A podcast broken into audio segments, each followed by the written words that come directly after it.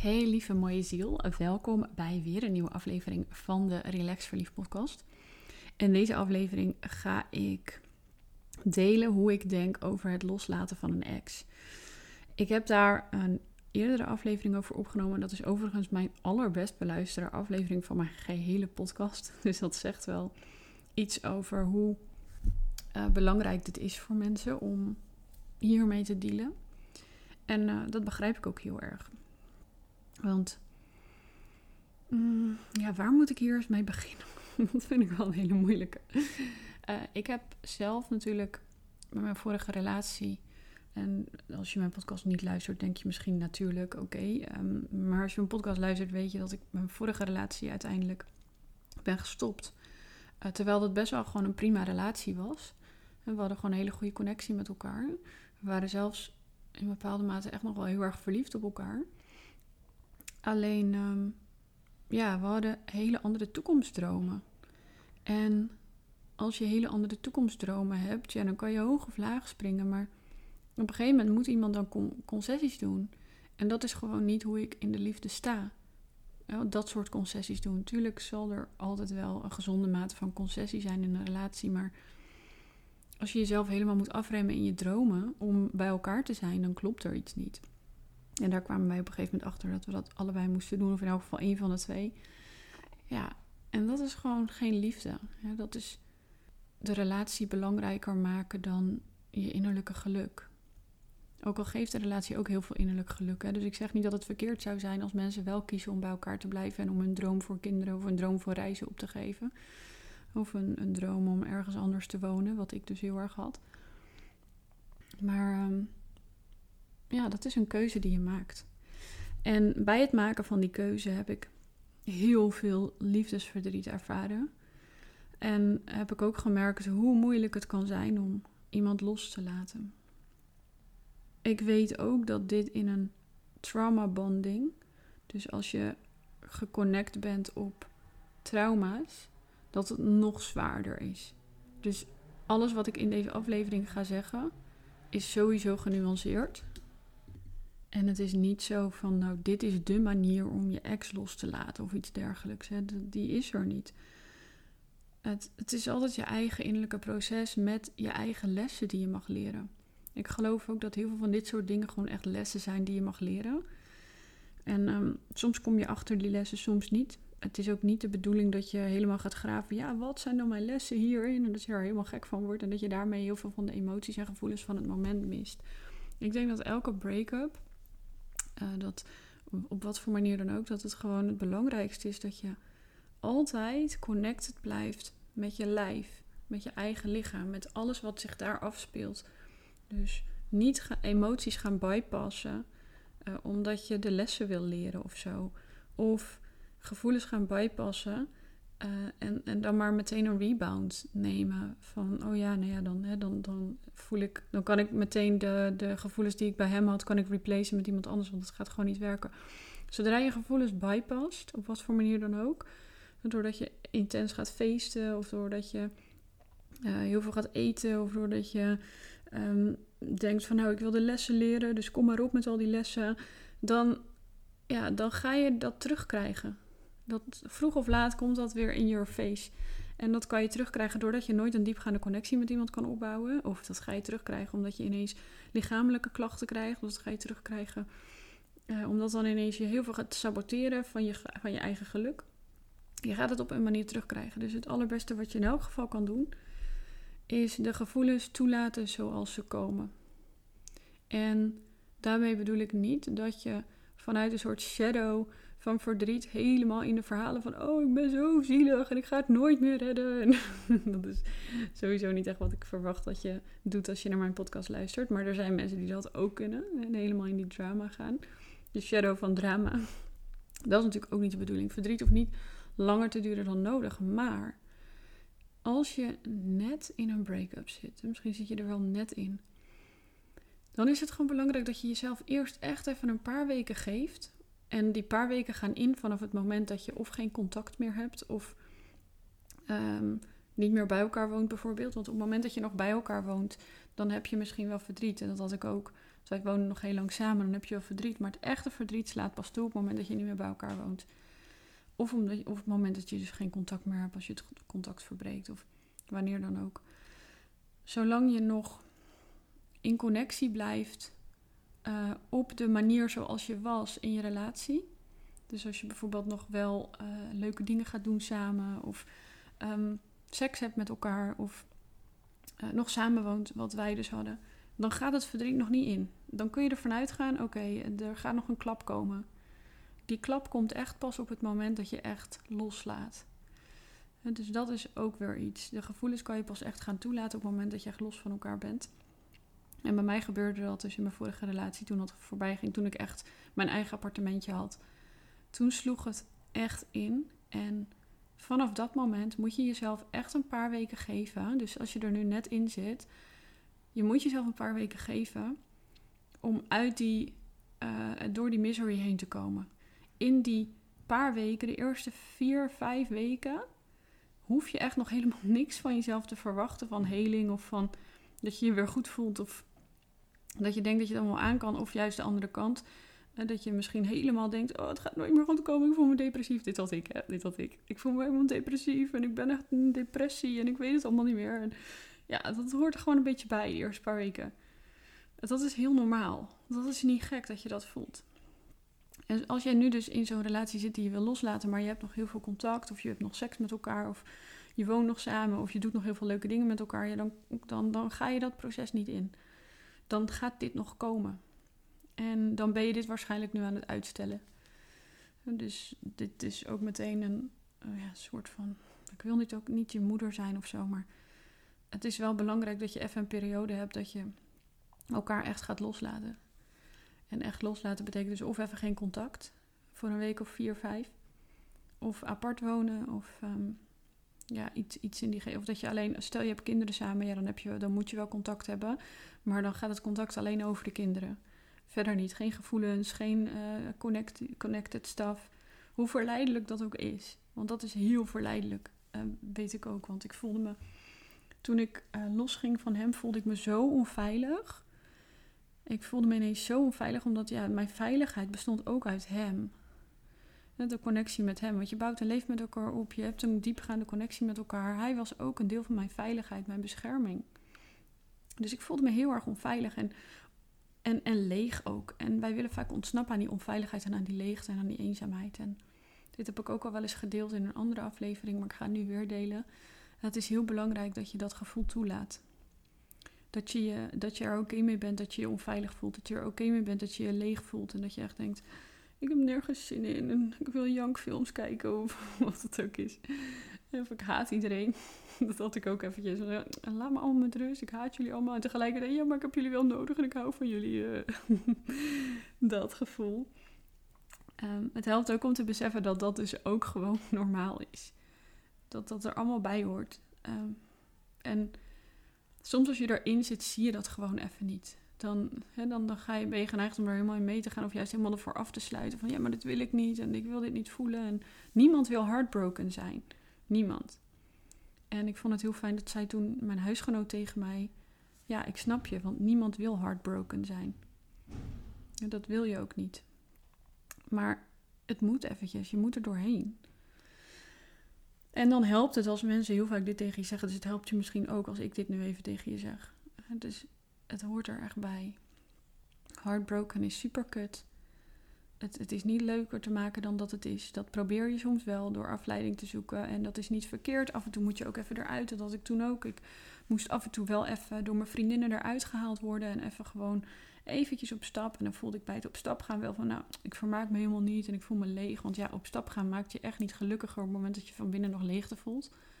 Het kan even afleiding geven, maar het maakt je niet gelukkiger. En dat erkennen is ook gewoon goed. Ik zei dat ook gewoon tegen mijn vriendinnen van, ja, ik ben hier en het is even goed dat ik er ben. Maar ik voel het niet. Ik voel het niet en daar ben ik oké mee. En, en soms wil je weer sneller helen dan dat je lichaam uh, ready is. En dan wil je dus al wel proberen om bijvoorbeeld weer op Tinder te gaan of een rebound te pakken of whatever. Uh, ik heb dat toen een tijdje bewust niet gedaan, maar, maar er is niks mis mee als je dat wel even doet. Als je maar voor jezelf beseft dat je niet gaat bypassen. Of als je maar voelt wanneer je in de bypass zit en jezelf dan weer tot de orde roept. Dit is het loslaten van een ex is eigenlijk ja, niks anders dan een gedisciplineerd proces. Ehm, waarbij je heel veel compassie naar jezelf moet hebben. Of ja, moet is een groot woord, maar wanneer het heel helpend is, als je heel veel compassie naar jezelf hebt en jezelf kan waarnemen in het proces. En ehm, bij een traumabond, zei ik net al, is, is dit zwaarder dan bij een relatie zoals die ik had, die wel gewoon gezond is. De connectie is wel gewoon gezond. Bij een traumabond is het zwaarder. En een traumabond is een connectie waar je bijvoorbeeld heel erg bent verbonden op de angst om elkaar kwijt te raken. En waardoor je heel erg over je grenzen laat gaan. Het is vaak een gebrek aan. Ja, zelfliefde is niet eens het goede woord. Want het kan ook heel goed zijn dat je wel heel veel van jezelf houdt. Maar dat je gewoon zo sterk bent dat je denkt, nou kan het allemaal wel handelen. Dat gebeurt net zo goed. Dus traumabonding is niet altijd een gebrek aan zelfliefde. Dat wordt wel eens onterecht gezegd. Maar traumabond betekent eigenlijk dat je dus veel te ver gaat in, uh, in, in over je grenzen laten gaan om de connectie maar te behouden. En dat is de zwaarste break-up als je daarin zit en daarvan moet loskomen. Want daarin is het heel moeilijk om bij de waarheid te blijven. Als je gewoon een gezonde liefdesconnectie hebt zoals wat ik had, dan kan je nog wel bij jouw eigen waarheid van je gevoelens blijven. Wel makkelijker. Het is even goed zwaar. Ik heb het heel zwaar gehad. Maar het is wel makkelijker dan mijn traumabond. Want die heb ik ook moeten verbreken.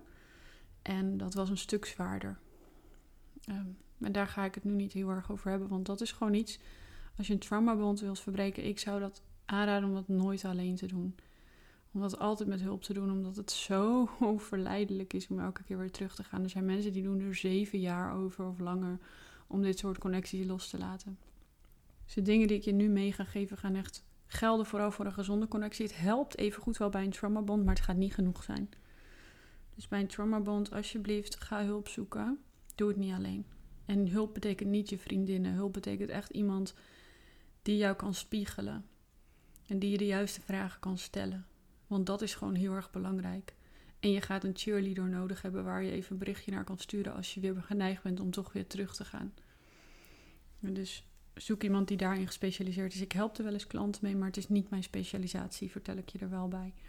Dus ik zou naar iemand gaan die daarin gespecialiseerd is. Maar um, oké, dan, dan even het stuk waar ik je wel mee kan helpen. Wat ik heel erg heb gedaan toen is, nogmaals, geef jezelf echt een paar weken dat je even in de misery mag zijn. En dat even alles gewoon goed is. En dat je ook tegen jezelf kan vertellen in die paar weken. Uh, op discipline eigenlijk. Van ja, ik moet hier gewoon doorheen. En dit is oké. en alles is goed. En dat ik hem mis. En dat ik hem omjank. En dat ik hem eigenlijk een bericht wil sturen. En tien keer al de telefoon opgewakt om een bericht te maken. En weer weghalen. Ja, dat is allemaal. Dat hoort hierbij. Dat, ja, dat is echt niet leuker te maken dan dat. Is, dat is gewoon leven. Dat is leven. En um, wat wel kan helpen, naast de gevoelens gewoon toelaten en any place van jezelf mogen huilen. Want ik heb bijvoorbeeld ook gewoon midden in de sauna en in de sportschool en zo gehuild. Ja, dat, dat is gewoon. Verdriet komt continu op in loslaten. Maar wat heel erg kan helpen is de keuze maken dat dit je allemaal naar iets beters gaat leiden en je helpen herinneren aan die keuze. Want als je die keuze maakt, gaat het je namelijk ook naar iets beters leiden, uiteindelijk. En ik heb deze keuze ook letterlijk op een briefje geschreven. Het gaat me naar iets beters leiden. En dat hing ik overal op, om, zodat ik er steeds aan herinnerd werd. Niet om de emoties te bypassen, want het is belangrijk dat je die voelt. Maar het kan een soort rust bieden in het moment. Van oké, ja, ik mag dit gewoon voelen. En uiteindelijk gaat het me naar iets beters leiden als ik het allemaal doorvoel. En verder, ehm, misschien heb ik dat al een beetje gezegd, ga niet heel erg graven naar waarom heb ik dit gemanifesteerd of um, wat voor lessen zitten hierin of wat voor persoon ben ik dan, hè, dat ik dit dan creëer of manifesteer. Want wat ik net al zei, het kan ook gewoon zijn dat jij zo sterk en krachtig bent dat je denkt, ja, ik kan het allemaal wel handelen en dat je daardoor dit soort dingen creëert of, of dat je de verkeerde aantrekt. Ja, het kan allemaal. Wat, wat ik wel te veel heb gedaan, is inderdaad ook bezig zijn met waarom heb ik dit dan aangetrokken? Hè? Waarom trek ik deze lessen aan? Wat, terwijl ik daar nog helemaal niet was. En dat hoef ik ook niet altijd te weten. Dus wees ook nederig naar leven. Dat helpt je veel meer dan dat je probeert te onderzoeken en te achterhalen wat er allemaal waarom is misgegaan of zo. Als je nederig bent naar leven, dan komen de lessen vanzelf op je af als die er zijn. En misschien zijn ze er wel niet en is het gewoon toeval. Want wie weet echt hoe leven zit. Ik in elk geval niet. En dan is er nog een oefening. Ik deed wel meerdere oefeningen, moet ik je eerlijk zeggen hoor. Maar ik ga er eentje met je delen, zodat je die zelf kan doen in deze um, ja, podcastaflevering. Um, ik werd heel even afgeleid, dus vandaar. maar een oefening die ik heel veel deed was. Ik deed heel veel visualiseren. Dat helpt mij namelijk heel erg om gevoelens te integreren en te, te belichamen, zeg maar. En om ze niet te bypassen, maar echt te doorvoelen. Dat doe ik met visualiseren vaak makkelijker. En ik deed deze visualisatie heel veel. Dat was dat ik. Ik vind dat fijn om, om een soort van vuur of warmte te visualiseren. Dus ik doe het met een kampvuur. En bij dat kampvuur was ik dan met mijn ex-geliefde. En ik zei dan alles wat ik nog wilde zeggen tegen hem. De dingen waar ik dankbaar voor was, de dingen die er door mijn hoofd gingen, de dingen die ik had meegemaakt, de dingen die ik had beleefd, de pijn die ik had ervaren, dat zei ik allemaal tegen hem. En dan zag ik hem voor me. Dat hielp me namelijk om niet in het echt contact te zoeken. Want uh, wij hadden even een periode van geen contact, was voor mij ook echt nodig. Want als ik dan wel contact zocht, ja, dan was je weer aan het verbinden met elkaar. En dan begint heel veel weer opnieuw. Dus het is soms gewoon goed om echt even geen contact te hebben. En als je kinderen met elkaar hebt, om het contact dan echt miniem te houden. Anders ga je bepaalde dingen gewoon niet voelen. En ons ego gaat ons dan zeggen: Ja, maar ik heb nog closure nodig. En we moeten nog een ritueel doen om het af te sluiten. En whatever. Dat kan je ego allemaal zeggen. Maar ja, als je even terugdenkt aan een ex van bijvoorbeeld 10, 20 jaar geleden, uh, had je daar per se closure voor nodig om die los te laten? I don't believe it. Dat is iets van ons ego, om weer contact te zoeken. Om het nog weer lekker uit te stretchen. Je hebt geen closure nodig, dus het helpt om dit te visualiseren. Om de dingen die je nog wilt zeggen, die je nog wilt delen, de gevoelens die je nooit hebt kunnen verwoorden, of wat het dan ook maar is, om dat in zo'n visualisatie nog tegen hem te vertellen. Dat hielp mij tenminste heel erg om closure in mezelf te voelen. Verder, uh, wat ik ook in een visualisatie deed, was de gevoelens toelaten waar ik bang voor was. Want waar ik vaak bang voor was, was de leegte en het onbekende. En de onveiligheid. En de eenzaamheid ook nog een beetje. Dat is hetgene waar ik bang voor was, waarom ik hem niet kon loslaten. En in zo'n visualisatie liet ik die gevoelens dan toe en creëerde ik daar veiligheid in in mezelf. En vertelde ik mezelf ook van ja, maar die gevoelens kan ik handelen en dat voelde ik dan ook echt. Dus ik doorvoelde de leegte, het onbekende. En dat kan je niet in één visualisatie doen. Dit is ook iets wat ik om de paar dagen deed. Even een paar minuten om te voelen, oh ja, soms, soms een half uur of een uur. En dat hielp me heel erg om mezelf te confronteren met de dingen waar ik dus bang voor was. En um, wat ik verder ook deed in zo'n visualisatie, was vaak mijn oudere zelf erbij halen, die al hier helemaal doorheen was. Die alweer een, heel, een nieuwe geliefde heeft waar ze helemaal happy mee is. Die alweer het geluk toe kan laten. Die helemaal fijn leven heeft. Die ging ik mij dan ook nog lieve woorden vertellen. Bemoedigende woorden. Ehm, ja, of, of juist, soms was het ook een beetje humoristisch. Van kijk nou wat je aan het doen bent. Hè. Een beetje lachen om mezelf. Nou, maakt niet uit, lieverd, want kijk, we made it, weet je wel. En dat helpt soms ook. Om even te voelen van, ja, I made it. Dus dat, is eigenlijk de, dat zijn de belangrijkste dingen die ik dan deed zo'n visualisatie. En dat hielp mij ook weer om me rustiger te voelen. Als ik me echt verschrikkelijk voelde, of als ik er even niet uitkwam, of als ik het echt even niet meer wist, of als ik als niets me hielp omdat alles me leegte gaf, dan deed ik even zo'n visualisatie. En dat hielp me vaak weer om me sterker te voelen, om me rustiger te voelen.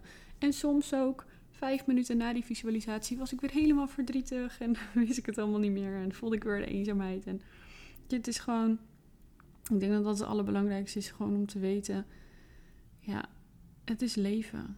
Pijn is part of life. En niemand wil deze, uh, deze pijn voelen, niemand wil die leegte voelen, niemand wil heartbroken zijn. En toch ben je het.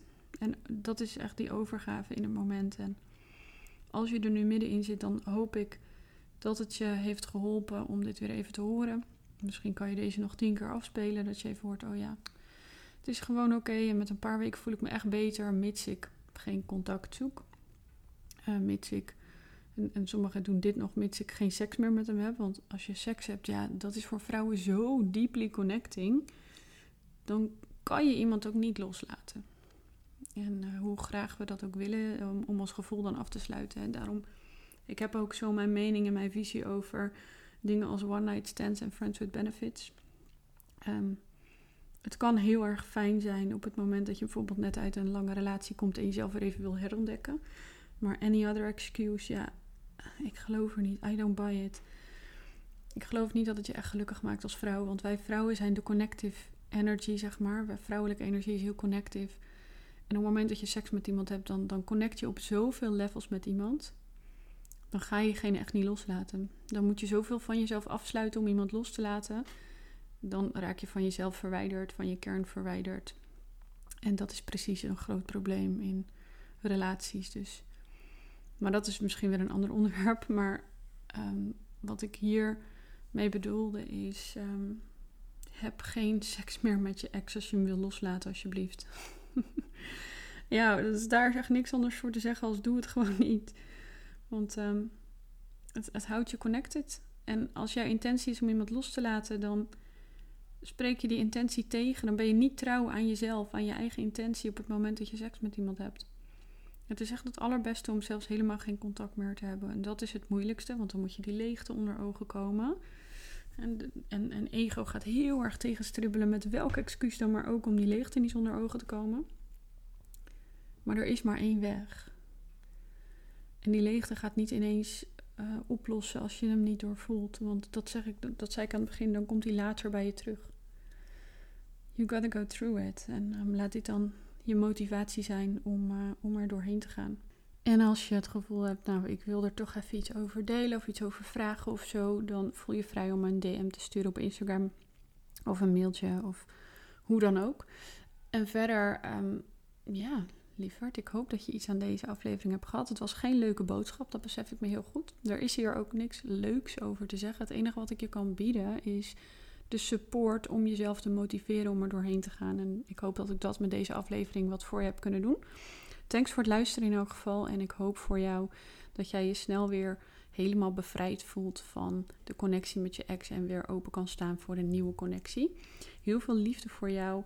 Een dikke knuffel vanaf mijn kant en ik zie jou graag weer bij een volgende aflevering terug.